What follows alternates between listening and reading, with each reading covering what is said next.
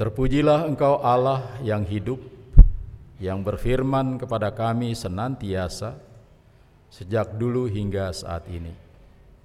Kami bersyukur untuk persekutuan yang Tuhan karuniakan pagi ini, di mana kami telah memenuhi panggilan Tuhan. Salah satunya adalah bersekutu melalui kebaktian saat ini. Kiranya Tuhan menolong kami semua, bahkan kiranya Engkau hadir bersama dengan kami pada persekutuan ini melalui firman Tuhan yang akan diberitakan saat ini. Kiranya Roh Kudus menolong kami, semuanya kami yang hadir di sini, baik hambamu yang akan memberitakan firman, juga jemaat yang mendengarkannya. Persatukanlah kami sebagai persekutuan yang penuh sukacita, menyambut firman Tuhan hari ini, merenungkannya, dan oleh pertolongan Roh Kudus pula dimampukan untuk memberlakukannya dalam kehidupan sehari-hari. Ya Tuhan Allah yang hidup, berfirmanlah kepada kami. Kami semua bersedia untuk mendengarkannya. Di dalam karunia Tuhan Yesus Kristus, firman yang hidup, kami memohon. Amin. Saudara-saudaraku, sidang jemaat kekasih Kristus, bacaan Alkitab pada hari ini di lingkungan gereja kita diambil dari Injil Matius pasal 28 ayat 16 sampai dengan ayat 20. Matius 28 ayat 16 sampai dengan 20 perintah untuk memberitakan Injil. Beginilah isi seluruhnya. Dan kesebelas murid itu berangkat ke Galilea, ke bukit yang telah ditunjukkan Yesus kepada mereka. Ketika melihat dia, mereka menyembahnya. Tetapi beberapa orang ragu-ragu. Yesus mendekati mereka dan berkata, Kepadaku telah diberikan segala kuasa di sorga dan di bumi. Karena itu pergilah, jadikanlah semua bangsa muridku dan baptislah mereka dalam nama Bapa dan Anak dan Roh Kudus, dan ajarlah mereka melakukan segala sesuatu yang telah kuperintahkan kepadamu. Dan ketahuilah aku menyertai kamu senantiasa sampai kepada akhir zaman. Demikianlah firman Tuhan hari ini berbahagialah orang yang mendengar firman Tuhan serta memelihara dalam hidupnya. Haleluya. Haleluya.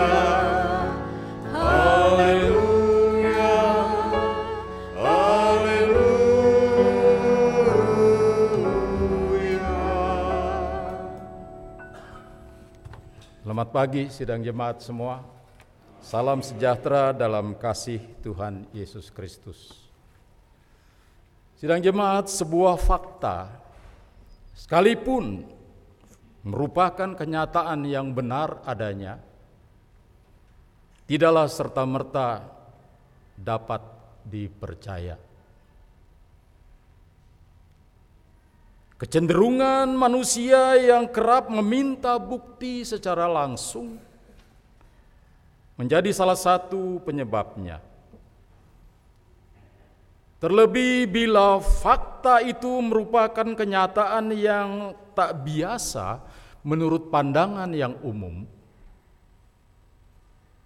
dan sulit dipahami secara nalar, saudara. Fakta yang seperti ini membuat orang tak mudah untuk percaya. Bahkan bisa berkembang menjadi berita yang simpang siur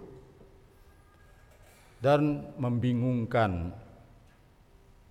Maka perlu konfirmasi. Perlu sebuah penegasan terhadap fakta yang seperti ini, Saudara.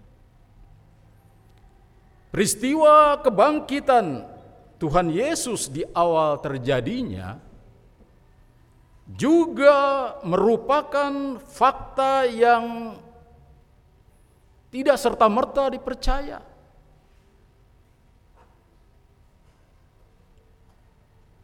Dia berkembang menjadi berita yang simpang siur atau tepatnya disimpang siurkan oleh orang-orang atau kalangan tertentu sehingga membuat ragu dan bingung. Murid-murid Tuhan Yesus sendiri ada yang tak serta-merta mempercayai mempercayai fakta itu. Kisah Thomas dan Kleopas misalnya, Saudara, menceritakan tentang itu bagaimana mereka sebagai murid Tuhan Yesus sendiri tak serta-merta mempercayai fakta kebangkitan Tuhan Yesus itu, Saudara. Padahal Tuhan Yesus telah beberapa kali menyampaikan bahwa Dia akan bangkit kembali dari kematiannya. Bisa demikian, bisa dimaklumi saudara, karena peristiwa kebangkitan orang mati, meski yang bangkit itu adalah Tuhan, Tuhan Yesus, memang merupakan fakta yang tak biasa menurut pandangan umum dan tak mudah diterima secara nalar insaniah kita sebagai manusia, saudara. Kalaupun tadi Tuhan Yesus sudah beberapa kali menyampaikan, aku akan bangkit setelah mengalami kematian. Peristiwa penyaliban Tuhan Yesus rupanya sangat memukul secara telak kejiwaan atau batin murid-murid saudara. Sehingga mereka tak ingat lagi ucapan itu. Belum lagi rasa takut yang melanda mereka terhadap orang-orang yang memusuhi Yesus dan juga mengancam keselamatan tanda petik pengikut-pengikutnya. Misalnya saudara upaya mahkamah agama pada saat itu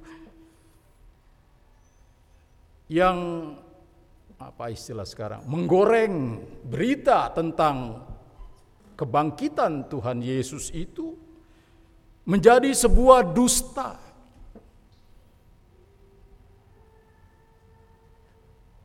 digoreng begitu rupa, diolah alih begitu rupa, sehingga seakan-akan fakta itu menjadi sebuah dusta.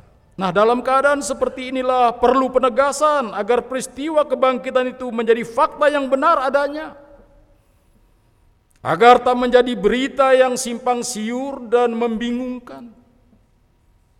Sehingga murid-murid juga banyak orang menjadi percaya lepas dari keraguan, kebingungan, ketakutan, bahkan ketidakpercayaan bahwa Yesus sesungguhnya telah bangkit sebagai Tuhan yang hidup.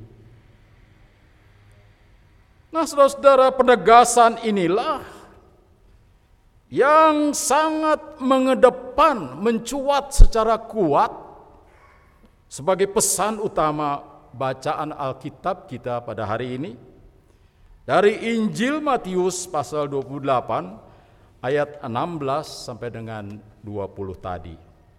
Dalam bagian Alkitab sebelumnya, yakni ayat 9 dan 10, Yesus sebenarnya telah menegaskan perihal kebangkitannya itu kepada para perempuan yang menjenguk kuburnya di pagi-pagi hari sekali, saudara. Sudah diberi, diberitahu, malaikatnya juga memberitahu, kemudian Yesus sendiri memberitahu. Lalu ia juga berpesan agar memberitahukan hal kebangkitannya itu kepada murid-murid yang lainnya dan akan menjumpai mereka di sebuah tempat di Galilea, Saudara.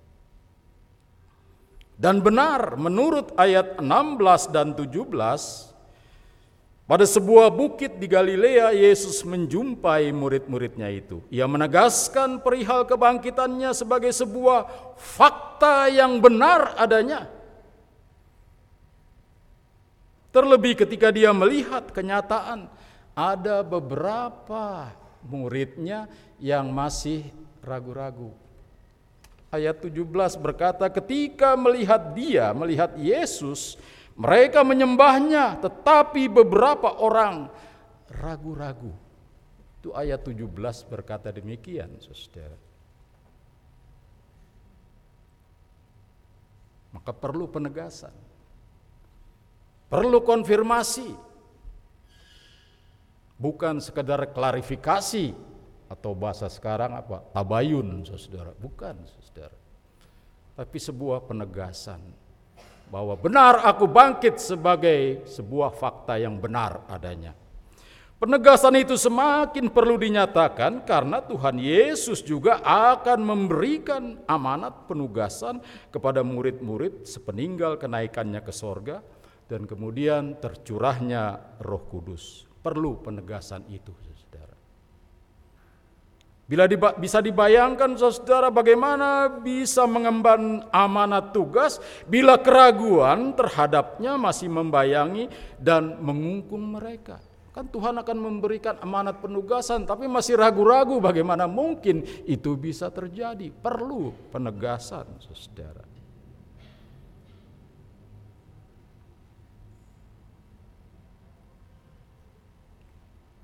Dan ternyata saudara, ini menjadi penting dan Tuhan Yesus tidak cuma menegaskan perihal kebangkitannya melainkan juga menegaskan perihal hakikat dan eksistensi dirinya selaku Tuhan dan juru selamat. Ayat 18 menyatakan hal itu. Yesus mendekati mereka dan berkata, "Kepadaku telah diberikan segala kuasa di sorga dan di bumi." Sebuah penegasan yang luar biasa, saudara.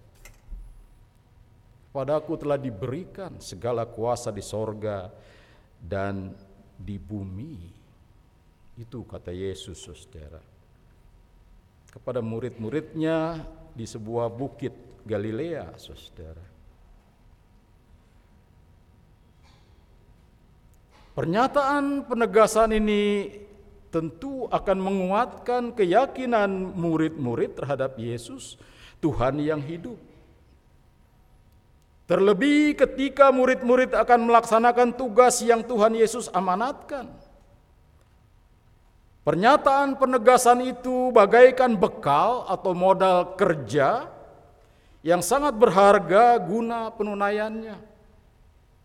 Sebagaimana Tuhan Yesus telah memulai tugas dari Galilea, maka sekarang giliran murid-murid untuk memulai tugas yang Tuhan Yesus amanatkan juga dari Galilea, Saudara.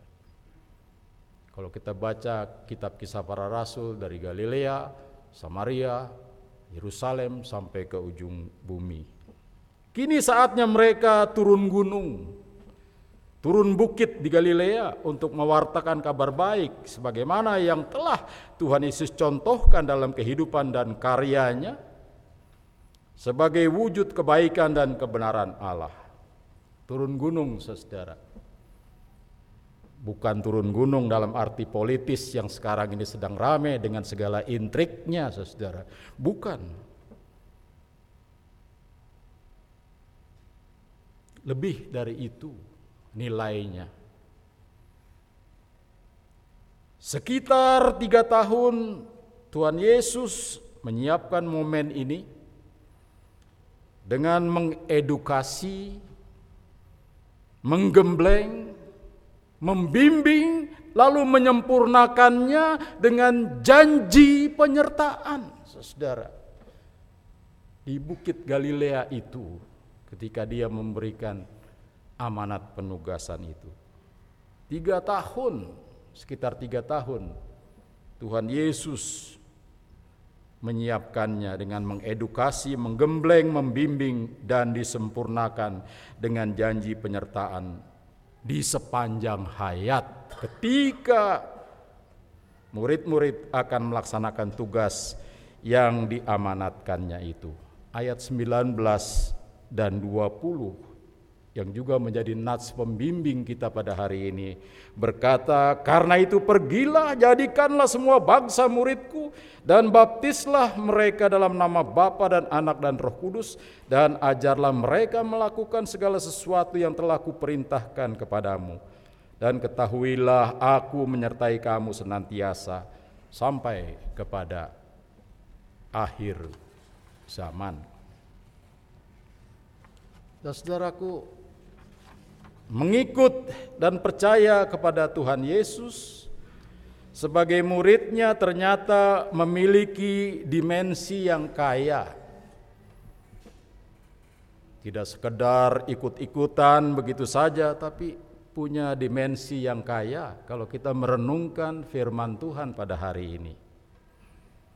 Di sana ada dimensi edukasi, ada dimensi gemblengan, bimbingan, dan penyertaan. Ketika seseorang, sekelompok orang, sebuah kelompok persekutuan menyatakan, "Aku mau ikut Yesus menjadi muridnya." Ada dimensi yang kaya yang Tuhan Yesus berikan, seperti disebutkan tadi. Mari kita lihat satu persatu. Pertama, dimensi edukasi, saudara pembelajaran atau pengajaran. Tuhan Yesus tidak sekadar memanggil murid-murid untuk mengikut Dia tanpa dibekali apa pun. Hai Simon Petrus, hai Andreas, ayo ikut aku. Tidak cuma itu saudara, tapi dia berkata dan kamu akan kujadikan penjala manusia. Ucapan ini memiliki pengertian pembekalan yang edukatif agar mereka benar-benar mampu menjadi penjala manusia yang memberi ruang hidup. Penjala manusia itu harus memberi ruang hidup.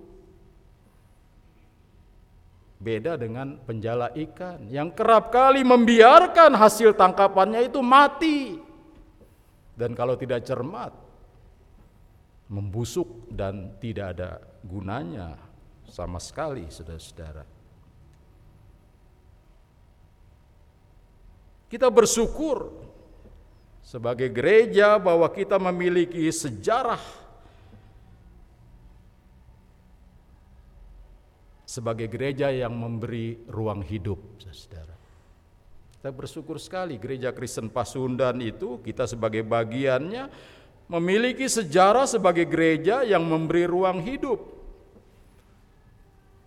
Di awal-awal kehadiran gereja kita yang mengabarkan kabar baik, memberitakan Injil itu, kita memberikan ruang hidup melalui pelayanan pendidikan dan kesehatan misalnya. Pendidikan itu memberi ruang hidup, mengangkat seseorang dari kebodohannya untuk maju mengembangkan diri di tengah-tengah kehidupan ini. Pelayanan kesehatan juga demikian, saudara. Mengangkat orang-orang dari beban penderitaan sakit yang dialami supaya dia sehat, mampu mengembangkan hidupnya. Itu ruang hidup, saudara, yang diberikan oleh gereja kita di awal-awal kehadirannya. Kita mensyukuri hal ini. Nah, gereja yang memberi ruang hidup seperti ini mesti kita lanjutkan mengedukasi warganya mulai dari anak-anak kita di sekolah minggu, anak-anak kita kaum muda remaja di katekisasi melalui KRT, KTM, PA, pembekalan edukatif lainnya yang akan sangat berguna dalam relasi dan interaksi dengan sesama di dalam keseharian hidup. Bahkan gereja juga harus semakin terlihat fungsi dan perannya sebagai persekutuan murid Tuhan yang membuka dan memberi ruang hidup secara eksternal, bukan hanya internal tapi juga eksternal seperti di masa lalu, Saudara. Bekerja bersama sekarang zamannya bukan lagi saling menjatuhkan tapi zaman kolaborasi, Saudara zaman bekerja sama. bekerja sama dengan berbagai pihak, termasuk dengan yang berbeda sekalipun. Berbagi terhadap sesama dalam arti yang luas, bukan hanya untuk ku dan bagianku, tapi juga dalam arti yang secara luas. Peduli terhadap masalah kekinian, misalnya perihal penguatan kesatuan masyarakat dan bangsa dalam kebajemukan kita yang ada. Tanggal 1 yang lalu kita sebagai masyarakat dan bangsa Indonesia baru saja memperingati hari lahirnya Pancasila. Apa itu Pancasila? Salah satu survei membuktikan banyak orang yang tidak menganggap lagi penting Pancasila itu. Tak perlu lagi ngomong tentang persatuan dan kesatuan bangsa yang memang kita ini beragam, berbeda-beda. Nah, kita terpanggil saudara untuk juga peduli terhadap masalah-masalah kekinian seperti penguatan, persatuan dan kesatuan bangsa itu, saudara. Sebagai gereja, kita tidak boleh asik hanya untuk diri sendiri. Mungkin di kelas-kelas katekisasi perlu ada penambahan materi tentang nilai-nilai Pancasila itu atau di kesempatan lainnya. Di khotbah-khotbah para pendeta juga barangkali begitu, Saudara. Supaya kita semua menjadi gereja, persekutuan murid-murid Tuhan yang berfungsi dan dirasakan perannya bagi kehidupan dan memberi ruang hidup itu. Itu dimensi edukasi yang pertama. Yang kedua, dimensi gemblengan, saudara. Ucapan Tuhan Yesus dan perbuatannya kerap mencerminkan dan membuktikan gemblengan itu agar murid-murid mampu bertahan dalam kondisi hidup yang tak nyaman sekalipun. Misalnya ketika dia berdoa di Taman Getsemani menjelang penyalibannya, Tuhan Yesus meminta murid-murid berjaga-jaga dan bertekun dalam doa seperti yang ia lakukan di Taman Getsemani itu. Maka gereja, keluarga dan setiap murid Tuhan masa kini pun hendaknya memberlakukan gemblengan seperti itu baik untuk diri sendiri dan terutama bagi kaum muda sebagai generasi pelanjut hidup persekutuan dan kemuridan di masa depan, Saudara. Di era kehidupan yang sangat mengedepankan kompetensi kemampuan seseorang untuk terampil memiliki banyak hal yang kemudian bisa mengembangkan dirinya dan hidupnya yang kemudian melahirkan kompetisi yang ketat, persaingan yang terkadang tidak ramah, maka gemblengan merupakan sebuah keharusan. Dan Yesus melakukan itu selama lebih kurang tiga tahun kepada murid-muridnya agar mereka juga siap untuk mengalami kenyataan-kenyataan yang tidak nyaman, saudara. Salah satu contohnya di Getsemani tadi, saudara. Ketiga dimensi bimbingan, saudara. Ucapan Tuhan Yesus, akulah gembala yang baik misalnya. Seperti nyanyian dalam liturgi kita tadi, saudara. Itu bermakna bimbingan kepada setiap umat yang dikasihinya. Gereja dan warganya hendaknya juga berfungsi dan berperan laksana gembala baik yang saling membimbing, bahkan membimbing banyak orang agar menemukan jalan yang benar menuju kehidupan. Menjadi persekutuan hidup murid-murid Tuhan masa kini yang membuka jalan dan membimbing kepada kehidupan, bukan menutup jalan dan membuat masalah, saudara, tapi membuka jalan, membimbing banyak orang menuju kepada kehidupan. Itu dimensi ketiga bimbingan. Terakhir dimensi penyertaan. Yesus adalah Tuhan yang hidup. Ia sendiri telah menyatakan bahwa kuasa di sorga dan di bumi telah diberikan kepadanya. Oleh karena itu janji penyertaan. Yang ia sampaikan itu pasti bukanlah janji palsu yang kosong, bukan semacam PHP, Saudara. Melainkan sebuah janji yang tak bertara dalam perwujudannya. Minggu lalu kita baru saja memperingati dan merayakan Minggu Pentakosta. Pencurahan Roh Kudus oleh Allah dalam Kristus. Nah, ini adalah salah satu bukti pewujudan janji Tuhan yang tidak bertara itu. Nah, kalau kini Tuhan Yesus berjanji akan menyertai umatnya, maka janji penyertaan itu adalah sebuah keniscayaan, bukan omong kosong, saudara. Yakni penyertaan bagi umatnya baik sebagai pribadi-pribadi maupun selaku persekutuan yang setia menunaikan tugas yang diamanatkan olehnya yakni mewartakan kabar baik sebagaimana yang telah Tuhan Yesus wujudkan melalui hidupnya dan karyanya bagi manusia, bagi dunia dan bagi kehidupan. Maka mari kita memberlakukan apa yang telah Tuhan Yesus lakukan itu dengan keyakinan terhadap dirinya sebagai Tuhan yang hidup dan dengan keyakinan terhadap janji penyertaannya. Tema khotbah kita pada hari ini demikian. Penyertaan Tuhan dalam kita menyampaikan kabar baik. Maka saya ingin mengakhiri khotbah atau renungan pada hari ini dengan membaca ulang firman Tuhan yang kita renungkan hari ini melalui Injil Matius saya bacakan ayat 18, ayat 19 dan ayat 20. Yesus mendekati mereka dan berkata, "Kepadaku telah diberikan segala kuasa di sorga dan di bumi."